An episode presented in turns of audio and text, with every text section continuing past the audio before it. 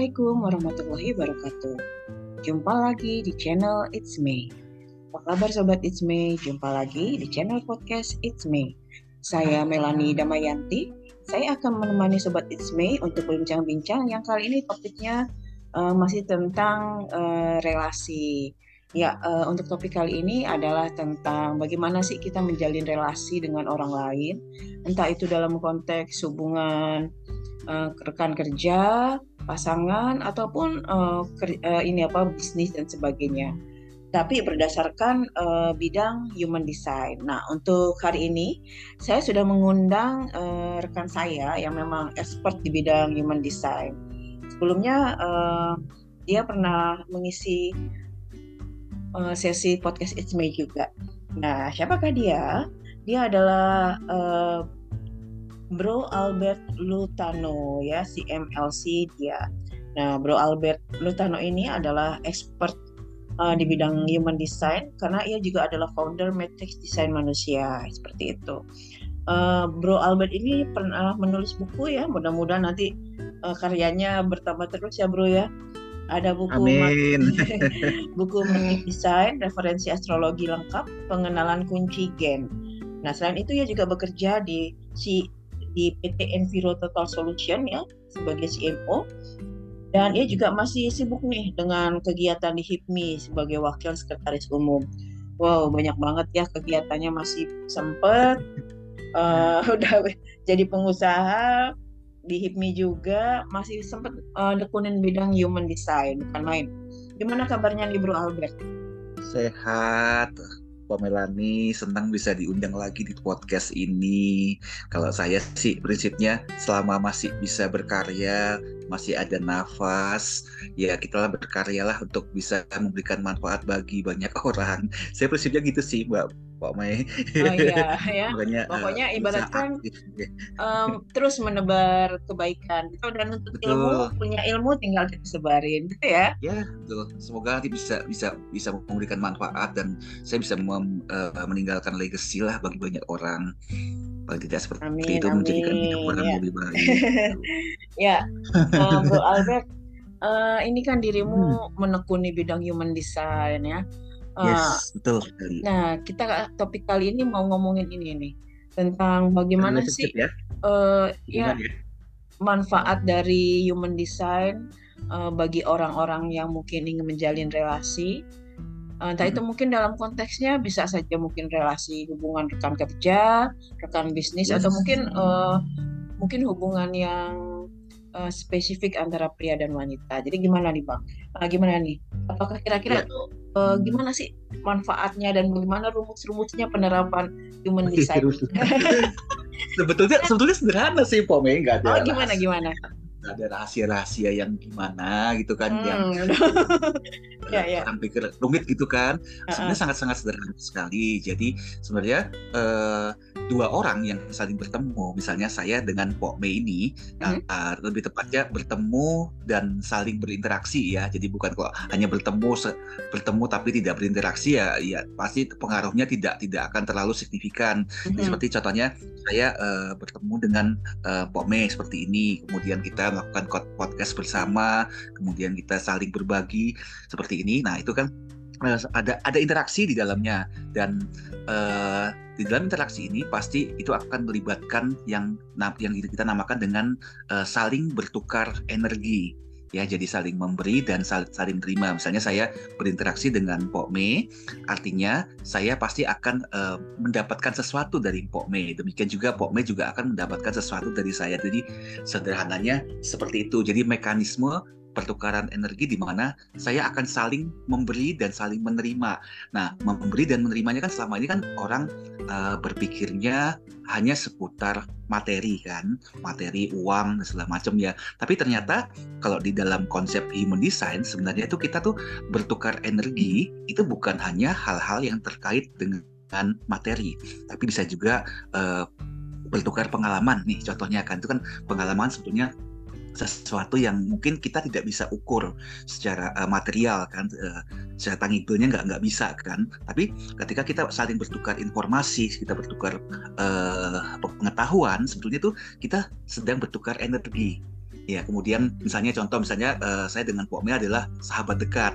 Mungkin ada ada kalanya saya mungkin menceritakan tentang pengalaman saya. Mungkin ya uh, bukan hanya pengalaman sehari-hari tapi mungkin emosi yang saya rasakan. Misalnya Pok saya hari ini rasanya kok uh, hari ini ini ya macet banget ya jalannya. Saya capek banget. Saya hari ini uh, habis uh, ngurusin kerjaan ini ini ini. Ini kliennya nyebelin dia gini gini nah kemudian mungkin Pak Mem menanggapinya oh iya Albert itu sabar aja gini. Ya mungkin mungkin harus istirahat dulu dan nah itu kita sebenarnya kan saling saling ini kan saling menyemangati saling mendukung saling support. Nah, sebenarnya ini yang terjadi. Yang terjadi adalah kita sebenarnya sedang bertukar energi di antara kita. Itu yang banyak orang yang nggak menyadari sebenarnya. Apalagi kalau di dalam kita ngomongin human design human design kan uh, kita mengenal di dalamnya ada sembilan pusat energi ya di dalam diri kita. Jadi kalau uh, teman-teman di sini yang mungkin pertama kali mendengar human design mungkin agak-agak bingung ya. Tapi mungkin simple dengan Google aja. Langsung pastikan nih teman-teman bisa melihat seperti apa human design sekarang informasinya. Banyak sekali di internet. Jadi ada 9 pusat energi di mana kalau pusat energinya berwarna artinya kita punya energi yang ada dalam diri kita. Kalau putih kan kita menyerap. Jadi ketika saya berinteraksi dengan Pokme, saya akan saling bertukar energi. Apa apa energinya? Uh, bisa pengetahuan, bisa informasi, bisa emosi, ya bisa untuk dorongan untuk bertindak, ya. Kemudian mungkin saya bisa uh, bertukar ekspresi, ya Nah, kira-kira seperti itu, sesederhana ini sebetulnya. Nah, yang membuat agak lebih uh, ribet nanti adalah ketika uh, kita sama-sama saling mencocokkan diagram human design yang saya miliki dengan diagram uh, human design yang uh, orang lain yang berinteraksi misalnya contohnya dengan dengan Pokme gini ya saya uh, Pokme kan pasti punya diagram human design-nya Pokme sendiri saya kan juga punya sendiri. Nah ketika dijejerin ya jadi umpama uh, diagram itu kita print kemudian kita jejerkan kemudian disatukan nah di situ kita langsung akan bisa melihat kecocokan di antara kedua belah pihak. Misalnya saya dengan Pok Me nih, saya sama Pok Me cocoknya di mana ya. Terus kemudian ada kemungkinan bisa bisa apa namanya bisa uh, konflik itu di mana ya. Dan apa yang antara saya dengan Pok Me yang sama ya itu bisa ketahuan semua. Nah, oh, jadi jadi uh, gini uh, ya. Uh, mau nggak mau itu harus orang yang sudah tahu apa human design-nya masing-masing gitu ya.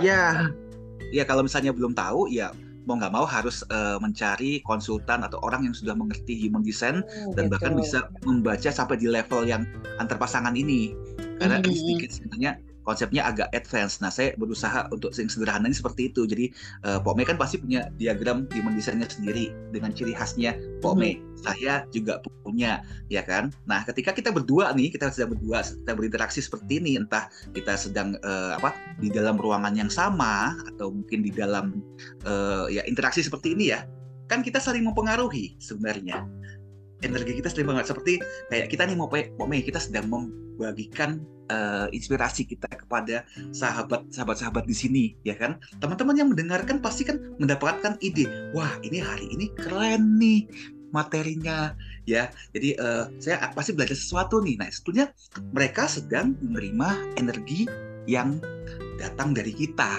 sebenarnya Nah, itu yang dimaksudkan dengan konsep pertukaran energi. Nah, ini yang akan dibahas sebenarnya ketika uh, dua diagram ini disatukan, kita langsung bisa melihat apakah ada nggak kecocokan di sana, ada nggak potensi konflik di sana, ada nggak kalau misalnya uh, tetap mau mau berjalan bersama, apa nih yang harus dikompromikan, apa yang kita mesti duduk bareng supaya uh, ke depannya kita tidak menimbulkan konflik kira-kira gitu sih mungkin bahasa ya, sederhananya. Jadi uh, sebenarnya ini ya apa? kalau dalam konteks ilmu komunikasi gitu ya, sebelum uh, kalau kita mau menjalin komunikasi atau menjalin hubungan relasi sama orang apa pun itu, kita harus memahami orang itu orang itu terlebih dahulu gitu kan? Betul. Nah uh, nggak cuma itu, kita juga harus tahu diri kita ini gimana sih gitu kan? Hmm. Nah jadi uh, kita dengan kita tahu siapa diri kita dan kita juga tahu siapa orang yang akan kita ajak bicara, ajak komunikasi dan interaksi, maka uh, faktor kemungkinan terbesar untuk terjalinnya interaksi keberhasilan itu akan lebih besar peluangnya gitu nggak sih? Yes, betul sekali. Ya, jadi selain selain kita melihat kecocokan juga ya tadi itu eh, bagaimana kita saling bisa saling memahami satu sama lain kan karena kan eh, setiap orang kan beda kan kita datang dari keluarga yang berbeda kita datang yeah. dari ya. tradisi yang berbeda uh-uh. ya kan ada, uh, dan itu pasti ada potensi konflik sebenarnya ya kan jadi yeah. kalau kita tahu ini ya kita deteksi lebih awal jadi kita antisipasi lebih awal supaya hmm. ya tetap bisa langgeng untuk seterusnya yeah. Nah, gitu Mbak Ya, hmm. jadi uh, sebenarnya uh, kalau dilihat dari human design gitu ya, faktor faktor seperti apa nih yang kadang-kala menjadi uh, kendala atau penghambat dari sebuah uh, bangunan ya atau membentuk sebuah relasi? Sebetulnya banyak sih kalau kita mau uraikan itu uh, kita mungkin nggak nggak cukup waktunya Pok Mei. Jadi kita bisa bahas bisa sampai jam berapa nih bisa 4-5 jam sendiri biasanya. Tapi mungkin secara sederhana mungkin kita uh, yang bisa sampaikan adalah uh, ada beberapa potensi konflik tertentu ya yang uh, di dalam sebuah uh, diagram human design yang digabungkan. Ya misalnya hmm, ini saya berbicara agak teknis sedikit ya tapi mudah-mudahan teman-teman di sini yang mendengarkan mungkin mengerti ya. Jadi misalnya contohnya uh, kalau dalam human design kan tadi kan saya sebutkan ada sembilan pusat energi ya kan. Jadi ada sembilan bentuk geometri di dalamnya ya. Terus kemudian eh, misalnya contohnya ada uh, di dalam pusat geometri itu itu kan biasanya kan ada angka-angkanya yang kita sebut dengan gerbang energi. Ya bahkan ada eh, kalau dua gerbang energi yang uh, apa namanya yang nyambung satu sama lain yang kita sebut dengan channel atau jalur potensi. Nah misalnya umpama saya punya sebuah jalur potensi. Ini, ini, ini mungkin sederhananya ya. Seperti jalur potensi misalnya jalur potensi di angka 515 membentuk satu satu pipa nyambung ya kan? Sedangkan Mpok Me ini hanya punya uh, gerbang nomor 5 ya jadi sekali lagi misalnya contohnya uh, channel 515 nih contohnya 5 berarti kan uh, dua gerbang yang tersambung ya kan? Sedangkan Mpok Me hanya punya 5 ya kan? Jadi walaupun 55 dan 15 itu adalah satu pasangan, satu pasangan, ya kan? Tapi temanya sudah berbeda. Jadi saya yang punya uh, channel yang lengkap full 515 ini full dibandingkan Pokmi yang hanya punya 5 saja. Nah, ini bisa menimbulkan sebuah potensi konflik. Kenapa? Karena saya saya punya lengkap jalur saya punya lengkap. Pok Mei cuma punya satu. Saya punya pendapat yang mungkin saya melihat uh, sebuah masalah tuh bisa utuh melihat karena karena saya lengkap, saya punya lengkap. Sedangkan Pok Mei hanya punya setengah, ya kan? Jadi uh, istilahnya kayak sudut pandangnya cuma setengah dibandingkan mungkin saya yang melihat semua. Nah, ada kalanya ketika kita masuk ke dalam sebuah uh, masalah ya sebuah potensi masalah atau apa pun terus sebuah persoalan persoalan atau mungkin uh, sebuah isu pekerjaan ya kan. Karena cara pandang kita sama ya kan. Nah itu akan uh, menjadi sebuah potensi konflik ya kan. Saya maunya gini tapi Mpok maunya gini. Ya udah satu-satunya cara adalah yuk duduk bareng nih. Pandanganmu bener kok Pok Mem pandangan saya juga tidak salah juga. Nah mari kita duduk bersama kita melihat nih kita bisa bisa uh, komprominya di mana uh, mana yang bisa ditoleransi. Nah itu yang baru kita akan bisa akhirnya jalan sama-sama. Kira-kira gitu Pok Me itu uh, yang biasanya yang umum terjadi ya. Terus kemudian potensi yang kedua adalah ada ada kemungkinan gini ketika dua orang sedang bersama energi kita kan pasti saling mempengaruhi satu sama lain. Nah, pasti nantinya ada hal-hal di dalam diri kita yang mampu men-trigger orang lain. Ya, menjadikan orang lain tersebut entah itu menjadi lebih baik atau memunculkan sesuatu ya, sesuatu yang mungkin negatif atau apa yang mendorong pertumbuhannya dia ya. Jadi keluar, ya kan? Nah, demikian juga misalnya saya dengan Pok Mei, Pok Mei juga uh, apa uh, ada sesuatu yang dari saya yang bisa mempengaruhi Pok Mei. Entah jadi lebih baik atau lebih jelek. Tapi ada sesuatu dari Pok Mei yang bisa mempengaruhi diri saya. Ya yang menjadikan saya entah itu lebih baik atau lebih jelek.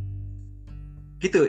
Itu kira-kira gitu gambarannya yang kedua ini Pok Mei. Jadi uh, ketika hal-hal trigger-trigger itu keluar ya kan?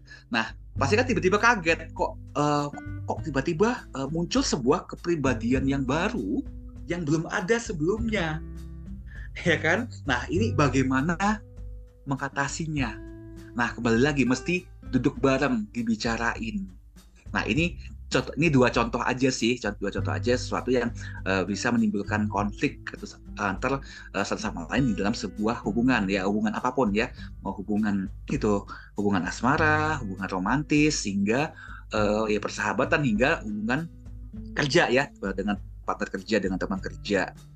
Begitu kira-kira, Kok Ya, jadi pada prinsipnya apa pun hubungan uh, selama mungkin uh, kita bisa saling memahami ya dan mungkin tahu potensi-potensi kita, potensi uh, orang lain ini akan lebih hmm. ini ya bisa berjalan dengan apa? Betul. Bagaimana Betul. mestinya gitu ya. Nah, kalau selama ini kan kita cuma kayak uh, kalau di orang awam biasanya ya kan cuma kita ya kita sama-sama dulu kita baru tahu kan ada konfliknya kan. Oh kamu begini saya begini ya kan? Belum belum kayak masih mencari-cari tahu kan? Nah cuma kalau di dalam human design ini ibarat udah kita dikasih tahu ini kalau bersama nih kemungkinan-kemungkinan apa? Itu kira-kira gitu. Itu bagusnya uh, kita kalau kita uh, belajar human design kita mengenal uh, diri kita lewat human design dan kita mengenal uh, partner kita melalui human design potensi-potensi yang tadi yang yang uh, apa konflik-konflik yang tadi ya, sesuatu yang membuat kita kaget tadinya itu bisa dideteksi lebih awal sebenarnya dibandingkan kita tanpa ada panduan sama sekali ya jalan bareng tiba-tiba oh ternyata kamu orangnya begini ya. Pertama kenal kamu kayaknya orangnya kamu kamu tuh sweet banget. Tapi setelah uh, lama kamu tuh orangnya ternyata keluar sifat aslinya yang begini begini begini. Nah kan itu baru baru tahu setelah berjalan kan? Nah itu itu itu bedanya Pak Mei antara kita ketika kita sudah mengenal human kita dengan human pasangan dengan yang tidak tahu sama sekali. Nah kira-kira gitu Pak Mei nah ini apa? Uh, memungkinkan nggak kalau seandainya mungkin ada salah satu yang tidak memahami uh, konsep tadi ya uh, human design tidak memahami konsep yang human design maksudnya mungkin uh, dia sudah diberitahu tapi uh, uh, dia tidak tidak mau terima hmm, gitu atau yeah. gimana Nggak, maksudnya kan tadi uh, uh, kita mengetahui apa potensi masing-masing itu lewat human design. Nah, yes. bagaimana kalau seandainya ada satu orang yang mungkin satu orang saja yang sudah tahu tanya ya, satu lagi belum gitu loh, belum ibaratkan belum belum paham, belum paham belum atau belum iya. memetakan iya. ya. Nah, uh, kalau ini dia. paham.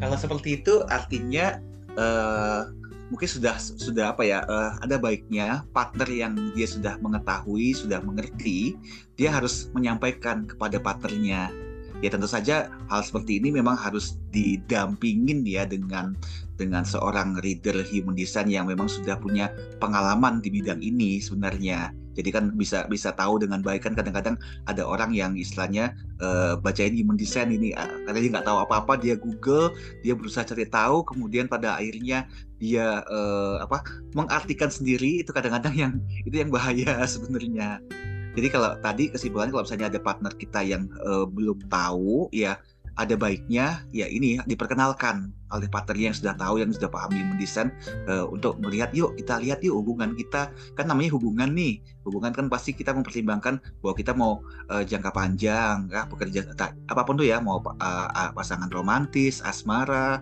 atau hubungan kerja. Tapi kan pasti kan orang mikirnya uh, hubungan jangka panjang. Ada baiknya kita mengajak teman kita atau partner kita itu juga sama-sama memahami dari saling memahami ya satu sama lain melalui human design itu kok pandangan saya sih kok Mei. Uh, ya jadi uh, ini ya apa satu sama lain sudah tahu lah ya peta masing-masing. Hmm. Nah betul. Uh, untuk ini nih kalau untuk rekan kerja kadang-kadang kan kalau dalam rekan kerja itu mungkin hubungan nggak sedekat dengan ini ya dengan apa mungkin uh, keluarga, pasangan dan sebagainya. Uh, nah, gimana nih caranya mungkin agar kita uh, tahu ya karena dia rekan kerja atau rekan bisnis atau orang yang akan kita ajak kerja sama lagi hmm. mengetahui uh, petanya dia kan uh, kira-kira nggak mungkin ya dalam sehari dua hari mungkin kita mempelajari karakternya ya kan? Iya. Dan nggak mungkin juga kalau misalnya dia ayo kita ikut human design. Kan dia ya, mungkin atau, atau, atau baru, baru baru kenal kita tanya sama dia. Uh, misalnya uh, saya baru sama kowe kome nah. boleh nggak tanya tanggal lahirnya? Wah itu paling pantang biasanya kalau nanya nanya ke seorang wanita tanggal lahir kan iya. nah jadi gimana tuh? Kalau buat orang iya, bener. orang yang apa yang memang secara ini kurang kedekatan sama kita kurang tapi dia mungkin akan melakukan long term uh, relation ya untuk kerjasama bisnis. Nah, gimana Betul. cara mengetahuinya untuk mensiasatinya? Sebetulnya uh, kalau kalau kita memang menggunakan human design, mau nggak mau sih Mbak Mei, kita harus cari tahu data lahirnya dia. Ya minimal uh, apa tempat tanggal lahirnya kan kan, kan di human design kan kita membutuhkan uh, detail sampai jam lahir kan. Tapi kalau misalnya sama orang baru kan kadang-kadang kan nggak enak gitu kan. Apa namanya eh, tiba-tiba baru kenal kayak saya tadi itu kan. Tiba-tiba nanya nih baru kenal sama Pok Mei Pok Mei boleh tanya enggak tanggal lahirnya berapa? Mau apa kau tanya? Kau aneh sekali kan baru kenal kita. Itu itu, itu yang ini. Tapi kalau seiring dengan perjalanan waktu mau nggak mau ya untuk supaya bisa memahami ya kita memang membutuhkan uh, human design ini sebagai alat sebagai alat bantu. Tapi kalaupun uh, karena di awal-awal ya, di awal-awal tidak bisa, ya kita uh, sebetulnya kayak buta ya. Kita memang buta. Ya mau nggak mau ya dari diskusi, dari diskusi kita ngobrol ya, kita cari tahu, kita find uh, find out cara pikirnya dia, pola pikirnya dia, kebiasaan. Tapi itu juga juga membutuhkan waktu kan. Saya sebenarnya Pok Mea kan nggak bisa nggak bisa langsung uh, di di apa di hari pertama kita ketemu dia kita langsung bisa paham dia semua kan. Nah tapi sebenarnya kita tetap membutuhkan human design ini sebagai alat bantu. Nah tapi biasanya sih pengalaman saya misalnya uh, sudah beberapa kali ketemu misalnya dua kali atau tiga kali ketemu. Nah lama-lama uh, kita bisa nanya sama dia untuk tanggal lahirnya. Boleh nggak uh, saya tanya uh, tanggal lahir kamu? Karena uh, saya punya alat nih namanya human design kan? Nah kita kan mau jadi partner nih kita mau manjang. Boleh nggak kita cross check untuk kecocokan kita berdua? Ya mungkin dikasih pengertian kan? Tapi kalau di di, di hari pertama kenal di hari pertama kita baru uh, ketemu dia dikasih seperti ini pasti dia akan skeptis. Tapi kalau setelah beberapa kali ketemu dua kali atau tiga kali ini tiga kali ya tiga kali ketemu ya ketika uh, pasangan kita ya apa calon partner kita tuh mulai nyaman dengan kita biasanya mereka mau. Apalagi kita menjelaskan bahwa uh, kenapa saya butuh tanggal lahir? Karena ini saya punya alat. Ya saya punya alat untuk kita bisa uh, mencari tahu kecocokan sama lain ya jadi kalau di awal-awal ya sabar dulu sih. Karena dengan cara manual pun cara biasa pun kita mau mengenal dia kan juga tetap harus ini ya harus ngobrol kan sama dia ya. Eh, cari tahu karakternya dia seperti apa ya kan? Itu juga nggak bisa langsung juga. Kira-kira kita sih mbak Pome ya jadi buat dia nyaman dulu lah beberapa kali ya, ya jadi uh, tetap inilah ya. uh, tetap hmm. mungkin perlu ya uh, tahu dengan Betul. cara ngajak dia uh, mungkin ini juga kali ya kelebihannya kalau kita mengenal orang lain itu kan prosesnya memerlukan waktu yang cukup lama ya enggak yes, mungkin betul. minggu bulan tapi mungkin dengan uh, human design ini akan lebih cepat gitu kan ya membacanya. Uh, apalagi punya pengetahuan untuk baca. Ini saya lihat saya, saya encourage sebenarnya teman-teman untuk bisa baca sebenarnya kan. Jadi uh, kalau memang bisa baca walaupun tidak mengerti keseluruhan paling tidak tahu minimal tentang diri ya kan kemudian tentang partner. Karena diagram gabungan ini sebenarnya sangat sangat sangat menarik sekali untuk kita kaji. Ya karena ada beberapa beberapa uh, apa ya ada beberapa rule. Kita tuh kalau uh, bersama dengan partner kita sebenarnya tuh kita jadi jadi sesuatu yang baru ya kayak mungkin dulu pepatah itu bilang kalau misalnya kita sendiri ya kita sendiri berapa banyak sih kekuatan kita yang kita bisa bisa kerahkan? Tapi kalau berdua kita jauh jadi jauh lebih kuat. Nah apalagi berbanyak ya. Uh, kalau kata pepatah lebih lebih banyak kan kita jauh lebih kuat kan? Jadi kekuatan dua orang itu sebenarnya Eh, akan jauh lebih besar dibandingkan hanya kekuatan kita seba, uh, se seorang sebagai individu. Malahan ada beberapa ada di dalam human design itu ada beberapa case khusus ya, di mana ketika dua orang saling bertemu ya satu tambah satu bukan lagi dua, satu tambah satu malah bisa mungkin bisa jadi sebelas. Itu ada ada ada beberapa ininya sih ada beberapa uh, rule-nya yang di dalam di dalam uh, hubungan koneksi ini ya hubungan antara dua orang ini. Jadi begitu uh, ketemu nih match ketemu dua orang ya kita ketahui mah itu dahsyat banget.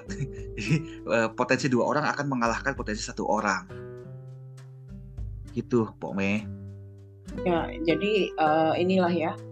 Uh, memang selain uh, untuk memulai sebuah bangunan relasi ini jadi ibaratkan satu sama lain harus menyadari kalau seandainya kalau seandainya kita mau long term ya emang harus mau ya saling memahami ya karena itu Betul. mulai membaca ya seperti itu. Betul. Nah kira-kira uh, memungkinkan nggak uh, setelah mungkin dengan membaca human design dan membangun sebuah relasi apa pun bentuknya ya entah itu rekan kerja, bisnis atau atau hubungan antar dua orang ini hmm. ada apa ya mungkin hambatan yang muncul atau mungkin dari human design ini ada semacam ya bisa melek ada uh, faktor berapa persen tuh ke melesetannya? Oh oke. Okay. nah ini saya perlu jelaskan dulu nih.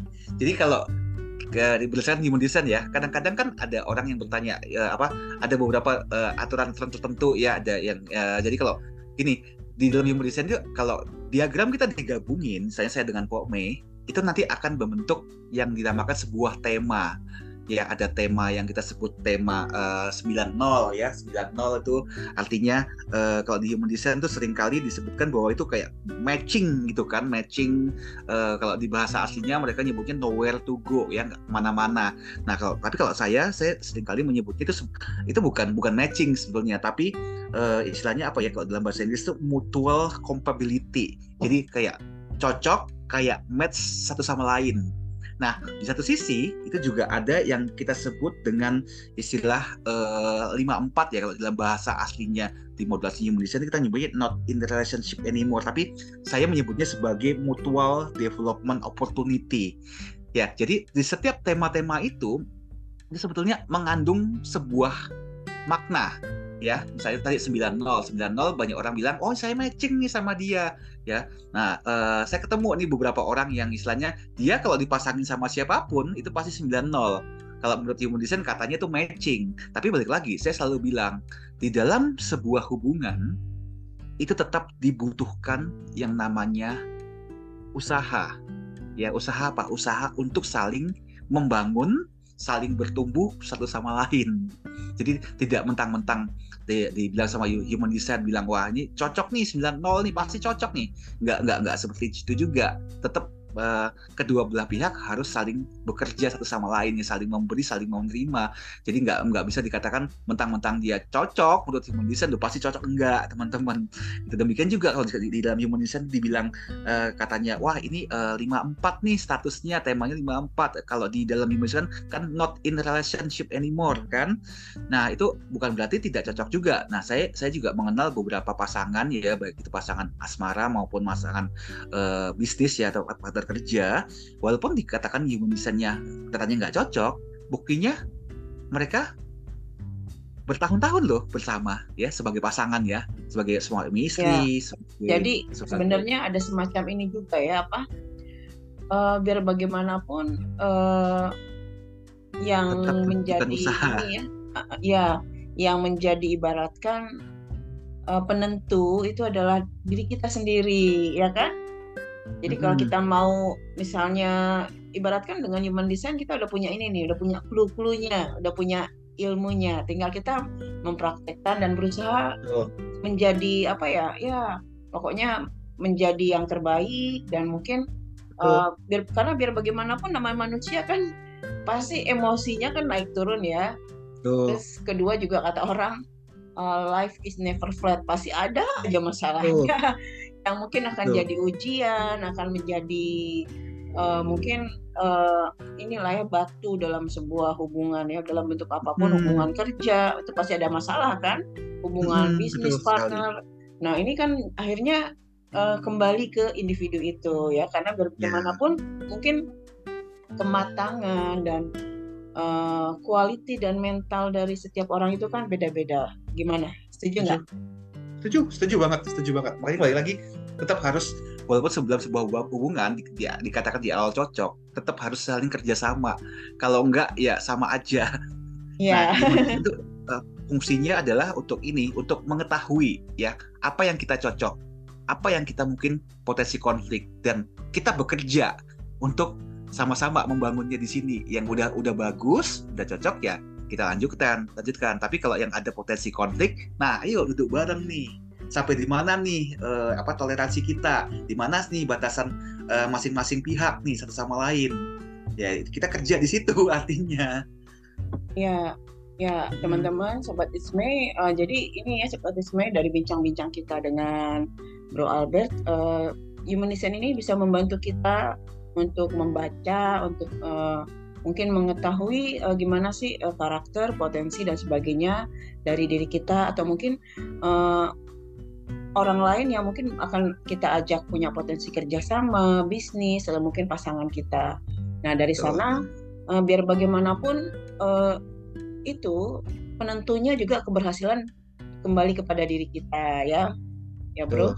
Uh, karena tadi yang Betul saya sekali. yang disampaikan uh, oleh kita, uh, saya juga gimana sih nanti menghadapi ujian, menghadapi masalah ini bisa menjadi apa ujian uh, bagi kita ya. Memang tadi klunya ilmunya udah dapat tuh dari human design. Tinggal bagaimana sih kita manusia dengan mental dan emosi bisa menghadapinya. Nah, uh, Bro Albert ini uh, bincang-bincangnya seru juga ya, tapi nggak terasa waktunya sudah. Iya, udah bagus ya. ya. nah, mungkin uh, menutup bincang-bincang kita kali ini bisa memberikan semacam uh, tips atau mungkin uh, conclusion dari uh, jumpa kita kali ini. Silakan kesimpulannya cuma ini ya apa pun hubungan kita ya mau hubungan kita hubungan asmara hubungan hubungan pertemanan, hubungan kerja, apa pun itu, kita tetap harus uh, sama-sama bekerja ya sama-sama bekerja. Bekerja dalam artian di sini adalah ya untuk mem bisa memahami orang lain kita harus mengenal uh, memahami diri kita dulu. Nah ketika kita sudah mengenal, memahami diri kita kita pasti kan langsung mengenali batasan kita, yang kita miliki ya boundaries kita terhadap orang lain itu seperti apa. Nah demikian uh, hal tersebut terjadi pada orang lain juga. Sama orang lain juga punya batasannya dia. Nah selalu ingat dalam sebuah hubungan kita ini datang dari keluarga yang berbeda. Datang dari tradisi yang berbeda bahkan mungkin dari kepercayaan yang berbeda ya. Nah ketika bertemu ya pasti akan ada yang namanya potensi konflik yaitu mau lihat dari human design atau lihat dari uh, apa pun ya itu juga pasti ada. Nah bagaimana sekarang kita bisa saling toleransi satu sama lain saling kompromi ya? Apa apa batasan saya apa batasannya dia ya? Jadi sampai di mana uh, orang boleh masuk ke batasan kita dan orang lain juga uh, kita, uh, kita bisa masuk ke batasnya orang lain. Nah itu bicarakanlah sejak awal supaya apa? Supaya hubungan kita tuh bisa langgeng sampai panjang. Ya dengan dengan demikianlah itu uh, ya inilah yang dinamakan relationship ya hubungan. Harus saling bekerja harus uh, ada uh, saling timbal balik satu sama lain. Kalau harus saling memberi dan saling menerima dan memperhatikan sebuah batasan dalam sebuah hubungan. Apa pun hubungannya itu. Mungkin dari saya itu aja sih Pome ya uh, terima Uh, terima kasih sekali nih Bro Albert sudah bincang-bincang tentang human design. Ya semoga uh, sobat Isme ini ya uh, menjadi bertambah wawasannya dan juga mungkin menjadi awareness ternyata memang biar bagaimanapun yang namanya sebuah hubungan entah itu rekan kerja entah itu bisnis dan mungkin pasangan tetap uh, harus ada niat kita untuk membangun relationship ya dengan mungkin memahami dia dan juga uh, bisa saling uh, mengisi ya tadi uh, untuk energi. Ya terima yes. kasih sekali uh, Bro Albert Pano udah bincang-bincang kali ini. Senang bisa diundang. Sukses dengan human design-nya. Semoga juga uh, makin bermanfaat ya. Terima kasih sudah mendengarkan kita. Jangan lupa ya di subscribe ya ini uh, podcastnya Pok Mei Oh ya terima kasih. Di, ya di sobat ini ya. uh, terima kasih sudah tune in uh, di podcast It's May. Uh, kita jumpa lagi pada next episode dengan topik yang berbeda. Salam sehat, salam literasi. Salam, dadah. Terima kasih, dadah, Bye, terima kasih.